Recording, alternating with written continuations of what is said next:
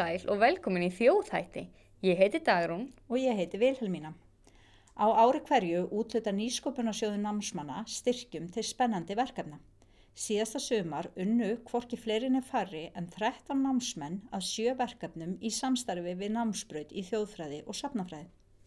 Í þættinum í dag ætlum við að heyra nánar um tvö þessara verkefna. Verkefni sem við ætlum að fjalla um heita annars vegar hundgá og hins vegar endur ofið. Álfurum Pálmadóttir, þjóðfræðinemi, er setni viðmælendi okkar í dag en hún og Ása Bríett Brattberg, fatahönnunarnemi, unnu saman að verkefninu endur ofið sem að gengur út á að skapa vaðmál framtíðarinnar úr fötum sem við erum hægt að nota. En áður en við fjöllum um það þá ætlum við að ræða við Ingibjörgu Sædísi, meistaranema í þjóðfræði. Hún segir okkur frá verkefninu Hundgá þar sem hún sapnaði samtíðar heimildum og þekkingu um íslenska fjárhundin. Verkefni vatt heldur betur upp á sig en út frá því urðu til útvarsþættir um sögu íslenska fjárhundsins sem voru byrtir í sömar á rás 1. Velkomin Ingibjörg. Takk fyrir. Þú vannst uh, verkefni, nýsköpunarverkefni í sömar um íslenska fjárhundin. Getur þú sagt okkur frá því? Já, uh, þetta var nýsköpunarverkefni styrt af Ranís um, og verkefnið sem sagt fjallar um íslenska fjárhundin og í rauninni samband um, fólks við íslenska fjárhundin og svona kannski rannsóknar spurningin eða þannig Mm -hmm. er uh, hvaða gildi hefur íslenski fjárhundurinn í íslensku samfélagi Mm -hmm. og er hægt að jafnvel telja hann sem menningar arf Mhm. um, og í verkefninu þá sagt, var lagt upp með að taka við töl við uh, 6 til 8 annarkvort rektendur eða eigendur íslenska fjárhundsins. Og sagt, uh, viðtölin þau fara síðan í gagnasafn árnastofnunar. Mhm.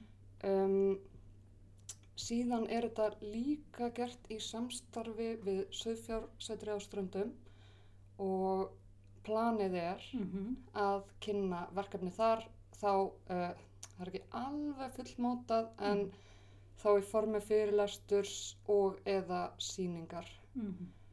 um, en það er, já, eins og ég segi ekki alveg hérna, koma á hreint hvenar það verður eða, eða hvernig. Já, en þú hérna byrjaðir einmitt á því að taka þá viðtöl við hérna fólk sem á eða ræktar íslenska fjárhunda og hvað hérna svona kom út úr þeim viðtölum, hvað var áhugavert? Sko það sem að mér fannst áhugaverðast að því að ég byrjaði að taka viðtöl við var bara svona uh, alþýðuna eða þannig e- ekki kannski einhverja, einhverja spekinga Nei, nei. um fjárhundin heldur bara fólk sem ég vissi að ætti íslenska fjárhund og hefði átt jafnvel íslenska fjárhund í svolítið langan tíma og þá það sem mér fannst mest áberandi í viðtölunum var þetta samband milli sagt hunds og mannesku Mhm.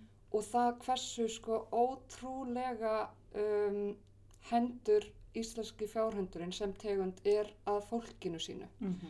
því að eins og uh, ég komst að líka í gegnum heimilda, heimildaöflun fyrir verkefni sem spa, svona spannst út frá þessu verkefni sem ég Mhm. tala um síðar Mhm. að þarna hlutverk íslenska fjárhundsins hefur breyst tölvert í gegnum tíðina, í gegnum aldirnar og gegnum áratugina s- sérstaklega núna á uh, síðustu öld og, og þessari að nú er íslenski fjárhundurinn fyrst og fremst fjölskyldu hundur Mhm. og það er svona minna, minna verið að nýta við fjársmölun þó Mm. það sé eflaust eitthvað gert Mhm.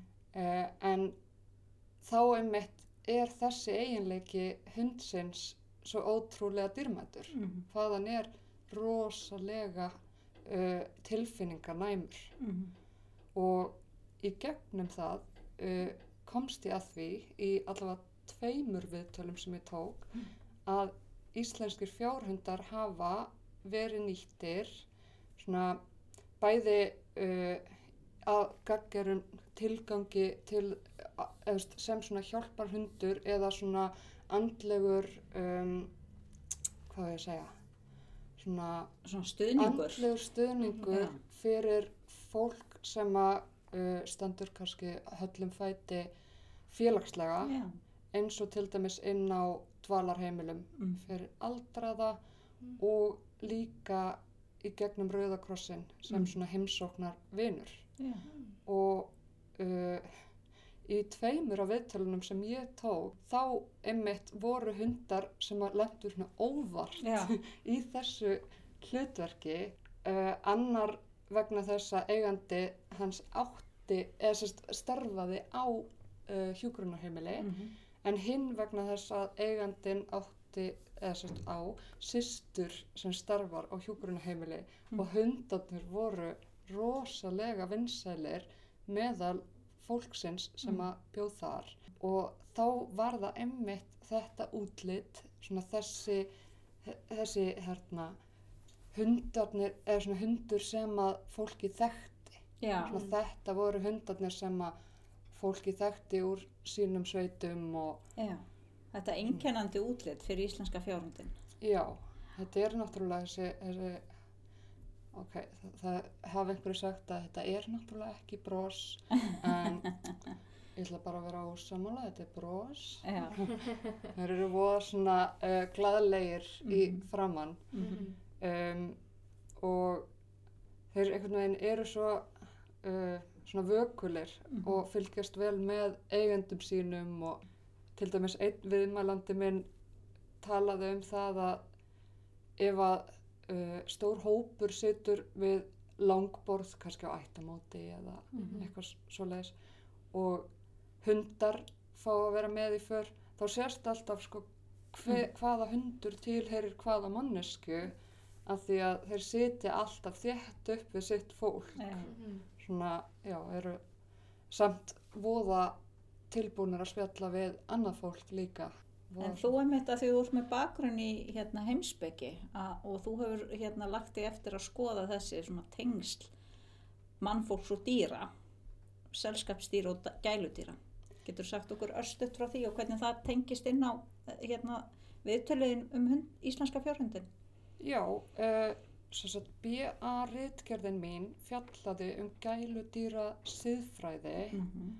og útgangspunkturinn í þeirri ritgerð var í rauninni sá að um, sambönd manna og dýra, jafnvel þessara dýra sem eru svona næst okkur, þessara gælu dýra sem að fá að búa inn á heimilum hjá okkur og sem uh, eins og stendur í ritgerðinu minni virðast njóta þess að vera með Mhm. fólki og Mhm. s- virðast uh, sækja í fólk. Um, útgangspunktur var í rauninni sá að uh, samböndin þau eru nánast alltaf mann, eða sérst koma frá manneskunni. Mhm. Þannig að þarna, þetta er í rauninni svona um, anthropocentric sambönd en þó uh, sko eru dæmi um það að dýr velji sér fólk eins og kettir Mm. Ma- maður hefur oft heyrt sögur um ketti sem að velja nýja eigendur og einmitt í viðtölunum sem að ég tók þar var einn viðmælandi sem að þarna komum rosalega skemmtilega sögu um það hvernig kvolpur, eða sérst hundurinn hennar sem kvolpur valdi hana Já. og bara það var svo augljóst og ræktandinn hann vildi ekki láta hundin fara neitt annað því að í hvert sinn sem að viðmælandin Mhm. mætti á svæðið þá gjörsamlega ætlaði allt að fara bara á Mhm. hliðina Mhm. af því að kvolpurinn hann var svo ólmur í að komast til hennar Mm. um, þannig að ég held sko, ég stefni á að fjalla áfram um samband manna og dýra í meistara ritgerinu minni í þjóðfræði. Ég er ekki alveg búin að þarna svona niður njörfa nákvæmlega hvernig það verður en um, en það er ég bara á fyrsta ári.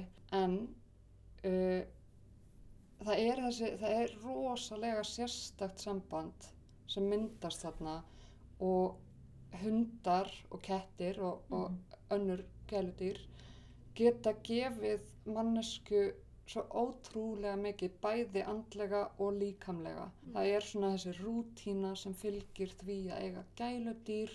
Það er svona þessi, um, það er þessi svona, uh, þessi svona, þetta viðmót dýrsins, það, það spyr engra spurninga, það einhvern veginn dæmir aldrei. Bara fölskalus kæti hjá hundinum þegar hann Já, kemur, hann er bara rosa glaður. akkurat að koma heim og Aha. fá bara fagnaðar hérna lætin alveg Mhm. eins, og, eins og ég hafi verið í burtu í ár það, Einmitt. það er svona það er alveg gefur manni mikið svona, Mhm. á, á hennum síðustu og verstu Já, og, og kom þetta ekki stert fram í viðtölunum við eigandur íslenska fjárhunda? Jú. Svona, heldur betur Mhm. og hérna ég tók síðast viðtal við um, mann sem hefur átt íslenska fjárhunda í 20 ár mm og nú er hann orðin nokkuð aldraður og þau hjónin voru búin að ákveða þau ætluðu ekki að fá sér annan hund mhm. síðan já, brást svo ákverðun þau Mhm. urðu að fá sér annan hund Mhm. og það varð að vera íslenskur fjárhundur Mm. því að þarna þau bara söknuðu svo þess að vera með hund og þetta þekki ég náttúrulega, ég er líka hundaegandi. En hérna, einmitt, eins og þú nefndir áðan að þá vatt verkefnið upp á sig. Getur þú sagt okkur frá því? Tók óvæntar snúning í raun?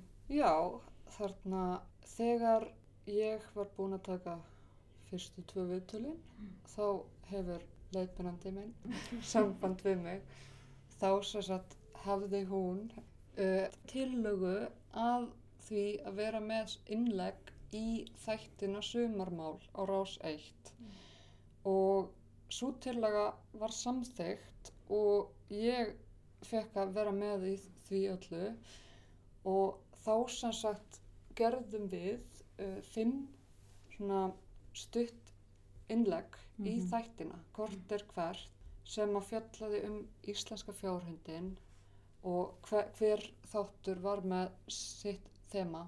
Og hérna það var rosalega skemmtilegt og, og rosalega skemmtilegt að fara í heimildavinnun á bakvið það og sjá svona sögu sko íslenska fjárhundsins en líka bara hunda á Íslandi almennt, hún er áhugaverð. Þetta er svona þarna uh, það að skoða þessa sögu leiðir ímislegt í ljós uh, varðandi aðra hluta íslenskrar menningar Já. svona, þarna, og líka áhugavert sko að fylgjast með sögu hunda á Íslandi hvernig hún gjör breytist eftir að Ísland var sjálfstæð eða sérst þjóð eða Mhm. sjálfstætt land að þarna það var ekkert verið að spá í hundategundum mikið fyrir eða virðist vera allavega með við þær heimildir sem að ég las Já, ekki vera að hugsa sérstaklega um fjárhundin sem eitthvað til að varðveita. Nei, Kynið, sko.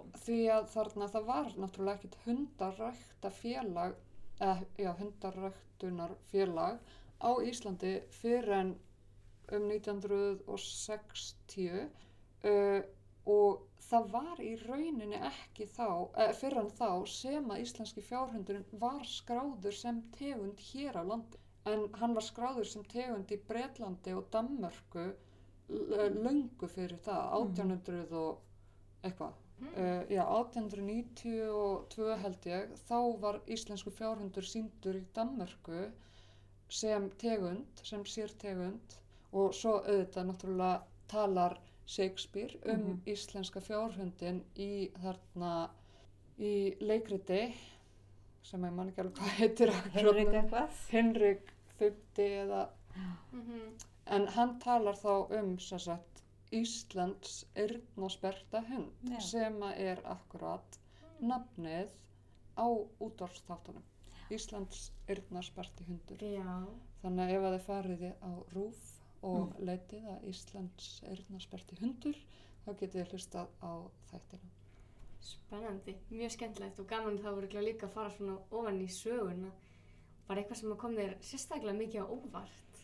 Um, já, mér fannst mjög áhugavert uh, hvernig viðmót fólks til hunda virtist hafa breyst uh, eftir sagt, árferði og eftir því hversu uh, vel gekk bara á landinu, hversu þarna, til dæmis í þegar það voru hallæri eða þarna einhverja náttúruhamfarir eða eitthvað svoleiðis, þá voru hundarnir fyrstir að fara.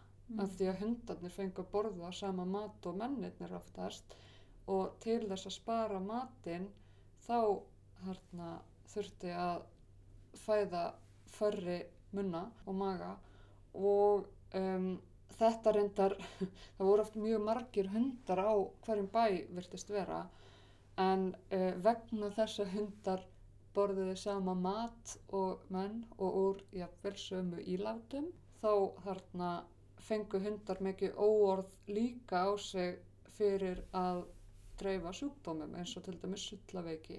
Og það var vantarlega ekki hundunum að kenna heldur uh, hrein, hreinlætisvenjum eða öllu heldur skorti á hreinlætisvenjum landans sem að hefur auðvitað mikið verið talað um núna á, á síðustu tveimur árum. Jú, jú. þannig að svona, já. En mér fannst líka áhugavert sko viðmót fólks uh, í, í sérst, nær samtímanum. Viðmót, viðmót fólks gagvart hundum til dæmis vegna hundabansins í Reykjavík.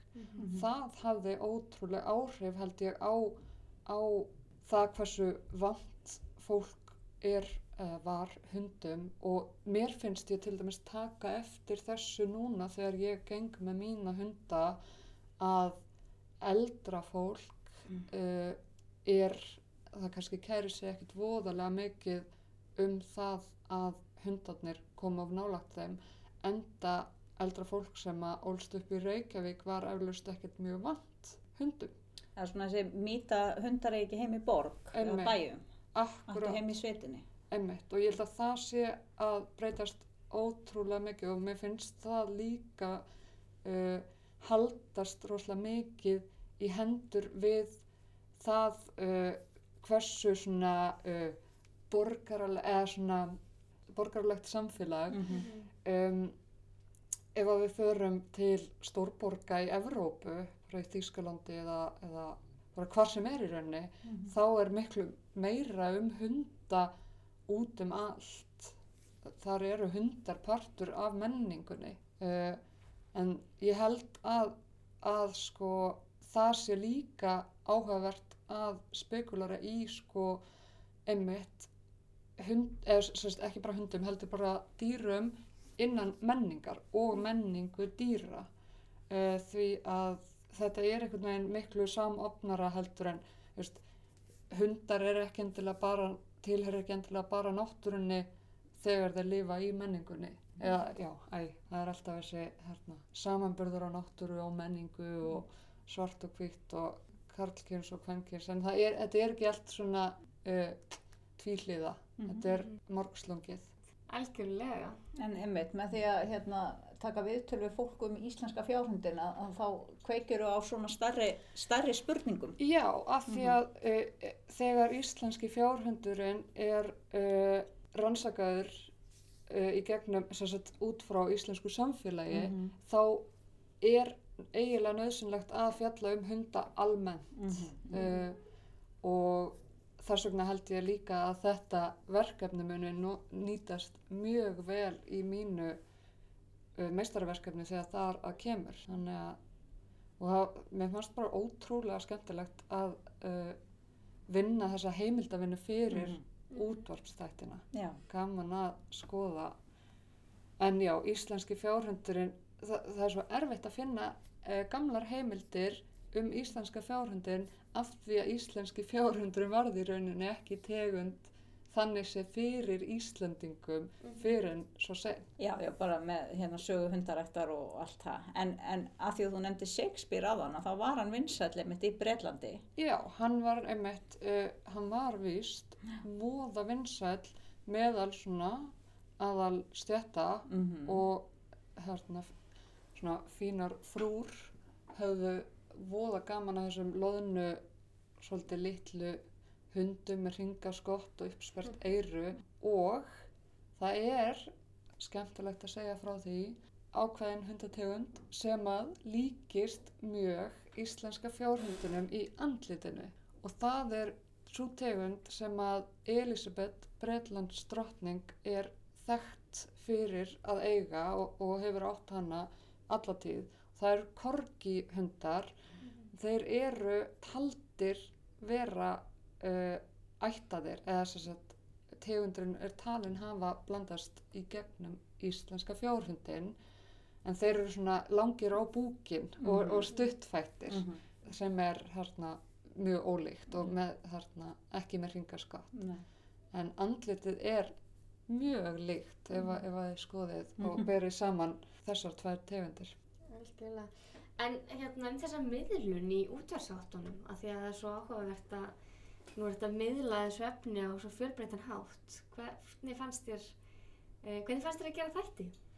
uh, það, þetta var ótrúlega mikil vinna uh, við skrifuðum alveg heilmikinn texta og, og púsluðum saman og, og þarna fórum yfir mikið heimildum og ég fór yfir meira af heimildum úr þarna tímaritum og, og, þarna dagblöðum og þannig en leiðbennandin minn fór meira í þjóðsögur og fann fræði bækur um íslenska fjárhundin og svoleiðis.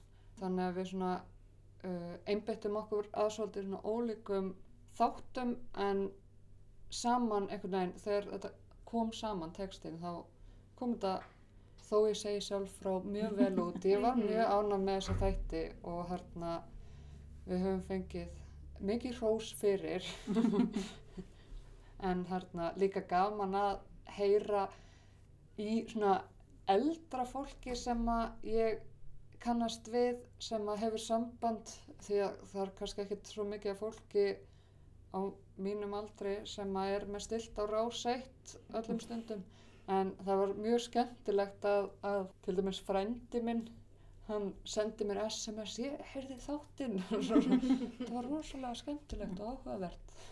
Og mjög hérna mjög skemmtilegt að fá svoleiðis uh, komment. Og foreldra vina minna og svona einhver gamlar frængur sem að ég hef ekki haft samband við í átta ár, eða ég veit ekki. Fór að senda skilaboð.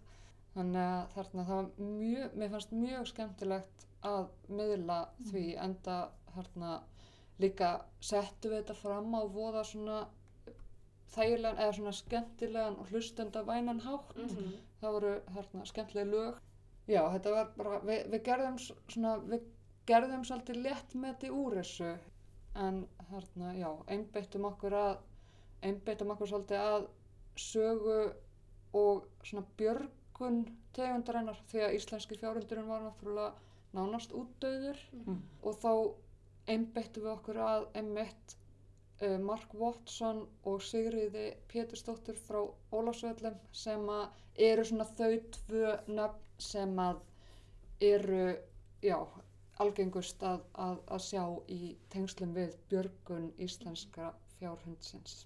Þetta er þá bara góðu pakki sem þú er komið með þarna í sarpin hjá þér að svona hafa gert sögulega umfjöllun um, um íslenska fjárhundin og, og, og í raun hundahald líka á Íslandi og svo að taka þessi viðtöl við fólk sem á núna íslenska fjárhundin og þessi tengsl.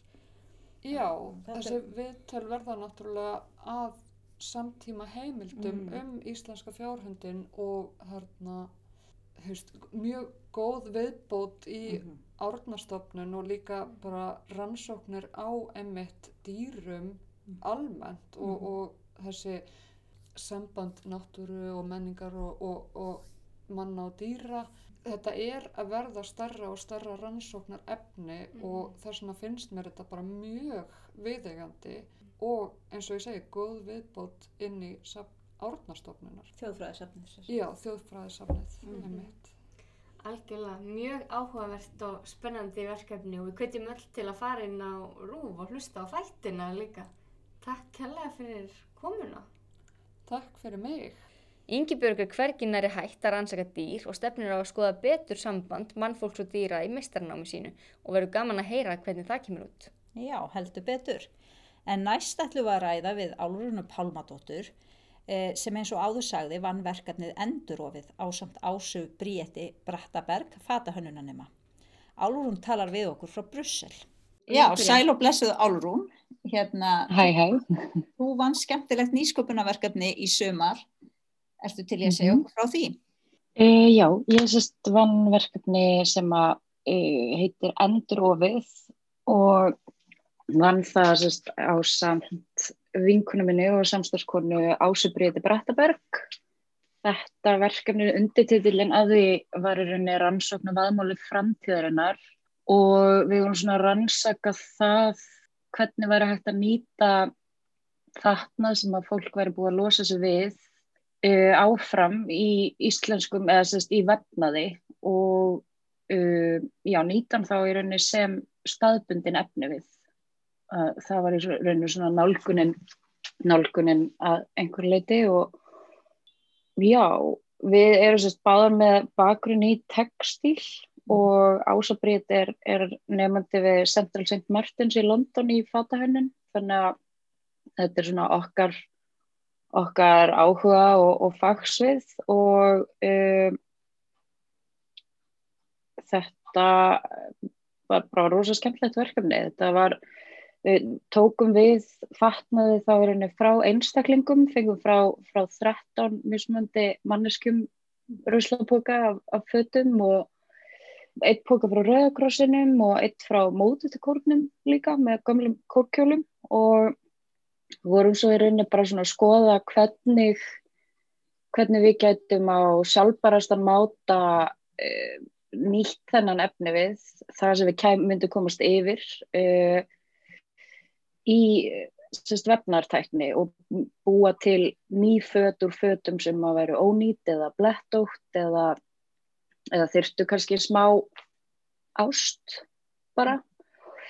Uh, og þá einhvern veginn já, var þetta svolítið, þetta var svolítið flæðandi ferli hjá okkur bara þar sem að við skoðum efnin sem við vorum með fyrir framann okkur og uh, uh, tókum þau sundur og kliftum í ræmur og, og ófum síðan með uh, á nokkra með nokkrum mismunandi hætti og úr urðu flíkur sem að voru sérst á annars vegar opnar beint á viðarplötur í, í snið sem að gera það verkum að þá í rauninni þá tapast ekki, það er ekki neitt afklipt eða svoleiðst, þannig að það er svona umhverju sjónamið sem að kemur að því hérna þeim prósess og óum síðan svona frjálslega efnistranga í í uh, opin ramma uh, sem að úrvarð þá í rauninu svona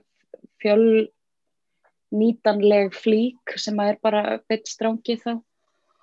Og svo tókum við líka skirtur og, og jakka og svona og, og ófum beint í þessar flíkur.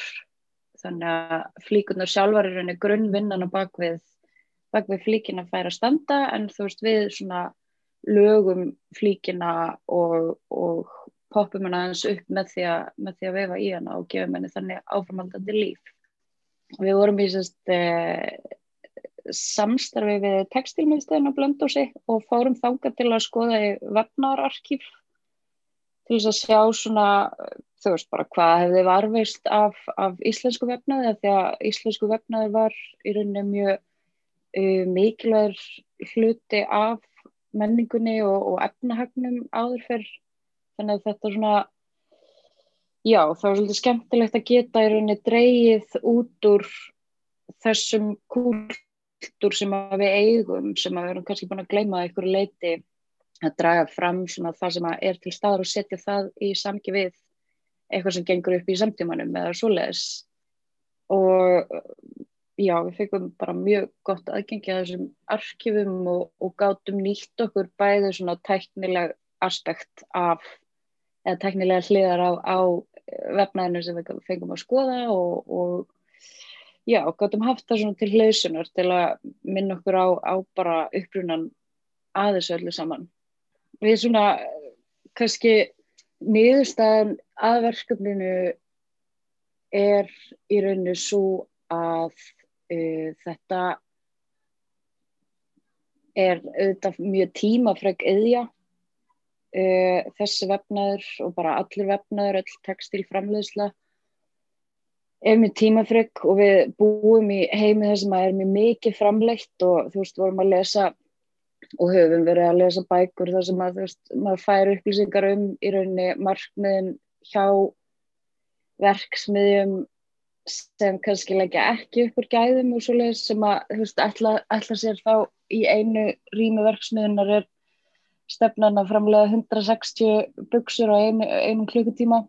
E, þannig að þetta er í rauninu svona verkefni sem að tósar á þessa, veist, það tóast á á milli þessari tvekja póla um í rauninu uh, hægvirka, framleiðslu, uh, gæði, ást og umhyggju, skapandi nálgun og svoleiðis og síðan hinn endin sem að er í rauninni þessi daglega neysluvara sem að við stöndum framifyrir þegar við förum út í búð. En þið voruð með þetta að skoða þetta svolítið út frá líka umhverfis sjónamöðanum, eða ekki? Jú, algjörlega. Uh, og þess vegna í rauninni var þetta svona að því það er í rauninni stærsti faktorinn í öllu varðandi fatnað í dag er það að hefst, þetta er annar mest mengandi yðnaður í heiminum á eftir ólíu og svo saman tíma er ólíja í rauninni uppistæðan í algengasta textilum sem er framleitur þannig að þetta er svona já, maður er svona að reyna að tækla þetta fjall sem að stendur fram í fyrir manni. Og já, það er þessi flóki mál mjög mikilvægt og það er alveg þá nokkur verkefni á Íslandi sem að hafa e, þú veist sem að eru að ræða þessi mál og það er gaman að geta í rauninni bara að halda þessu samtali stanslist áfram því að skipta mjög miklu máli að, að miðla og framkvæma að búa til e, bara hvetja til þáttöku og svoleiði sko. Þannig að fólk kannski aðeins stoppi aðeins það kaupir mm -hmm. En mér langar að spurja hérna uh, verkefninu eitthvað lauk með síningu er það ekki? Getur þú sagt okkur frá henni? Jú, já við sést að uh, framleitum nokkra flíkur og uh, og ljósmynduðum þær flíkur uh, sýstur okkar tvær sátu fyrir og, og klættust flíkunum sem að Við séðan eh, settum upp á síningu þessar ljósmyndir eh, ásamt flíkunum sjálfum. Þær hengu þá í rauninu svona úr loftinu á herðatrjám og eh, heldum þessa síningu sem stóði yfir í þrjá daga í síningaríminu Flæði á Vestugutu. Mm -hmm. Og já, síningi var bara frekar vel sótt og það var svona almenn ánægja sem að ríkti með hana. Mjög gaman að geta sett þetta fram á þennan máta. Verður þetta svona áþrjónleg afkvöst? Mm -hmm. mm. Og þetta er mjög áhugast þegar þú varst að tala um um hérna því þið skoðuðu gamlar uh, vaðmál og upplýsing af vefnað í rauninni mm -hmm. og hvernig þetta svona blandar saman nefnitt fortíðinni og, og framtíðinni einhvern veginn. -hmm. Algjörlega. Algjörlega og við gerðum uh, til dæmis jakka og pils úr uh, vefnaðatækni sem kallast gardínubinding uh, sem kom mjög vel út og skemmtilegt einhvern veginn að geta, geta nýtt þessar, þessar tæknir sko. Veist, og svo sama tíma þá erum við aðvefa en í rauninni möguleikarnir með þessum uh, svolítið svona grófari vefnaði sem að er úr, úr textilræmum en ekki þræði. Möguleikarnir eru aðeins öðruvísi. Það er í rauninni alltaf að fara að vera annars konar útkoma. Uh, en já, bara skemmtilegt að sjá hvernig maður getur í rauninni haldið áfram með eitthvað sem að í rauninni kannski fyrir einhverjum áratugum hefði geta verið að gleymast eða svo leiðis Mhm. Af Því að var áður voru, var þetta eins og ég sagði áður, uh, þá var þetta alltaf heimilisiðnar og setna bara verksmið framleiðsla á Íslandi uh, sem að hefur stíðan lagst af algjörlega þannig að það er einhvern veginn þarf alltaf að sækja annað til þess að, til þess að framleiða á þennan máta þannig að við sem þjóður erum kannski búin að fjarlægast svolítið þennan uppruna Mhm. Mhm. En var eitthvað sem kom þér á óvart í verkefninu?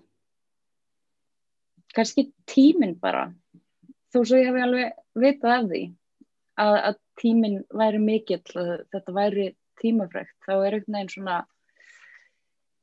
já, kannski það og, og líka síðan það í rauninni að við hérna vorum með í rauninni 15 svarta rauðslapoka, mjög misfulla og hvað á endanum við komumst yfir lítið Mhm. hvað þetta er, hvað, hvað magnið er mikið sem að getur komið úr svona fáum áttum sko þannig að það er svona koma óvart á endanum Þessi ofgnótt, kannski. já, algjörlega þessi ofgnótt Já.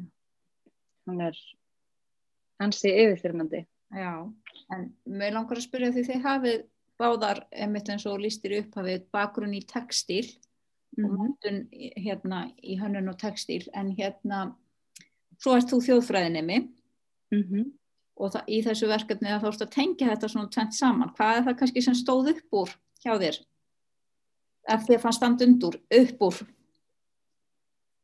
Uh, var þetta þjóðfræði tenginguna þá? Já, Já, mér, ég er náttúrulega bara, ég hef mikinn áhuga á í rauninni eh, arfleð, íslenskri textíl arfleð Mm og það í rauninni bara að fá að taka þátti að halda henni áfram líka. Það er svona stóð upp úr að einhverju leiti og, og svo í rauninni þessi er bara pælingar um um sko hegðun fólks skakvart fatnaðinum sínum og tjáningarlöngun og kauphegðun líka því það var mjög, mjög skemmtilegt að, að fyndið á síningunni kom inn kona sem, sem kom inn tilbúin til að kaupa þó, þótt við værum í rauninni ekki að setja þetta þannig framhaldi meira í svona settum við í rauninni fram verð á flíkunum í samingi við tíman sem tók að gera þær þú veist bara áætliðum okkur tímakaup -hmm.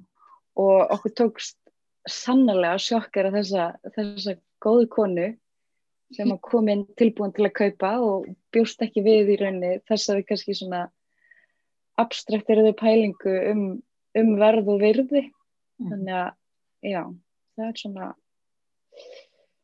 hegðun fólks og, og menningar arfleð er, er kannski það sem að stendur mest upp úr Mhm. þessum, þessum Mhm. Algjörlega og tveir svona mjög ólíkir vinklar á, í sama verkefninu samt.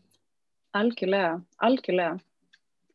Þeir eru það sko, en það er líka kannski sprettur í sjálfu sér af bara okkar nálgun, okkar ásubrétar, nálgun að, að fatnaði og, uh, og textil og svoleiðis er, er í rauninni, veist, hvernig mætumst við sem fólk sem að lifi núna uh, gagvart í rauninni uh, þessum textil sem að á þessa ríku sögu bæði í okkar menningaheimi og, og öllum öðrum Mhm. og í þá samingi við í rauninni þá neyslu menningu og þær neyslu vennjur sem við erum búin að skapa okkur og, og, og leif okkur, leifum okkur þannig að já, það er svona það er svona kannski skýringin á þessari þessum hérna tveimur punktum sem að kannski eru almennt í, á sitt hverju mendanum eða svoleiðis. Mhm. En með hérna, að, að sér þið fyrir þér að halda áfram með textíl og fatnað í náminu, skoða þetta eitthvað frekar? E, já, ég hugsa það nú.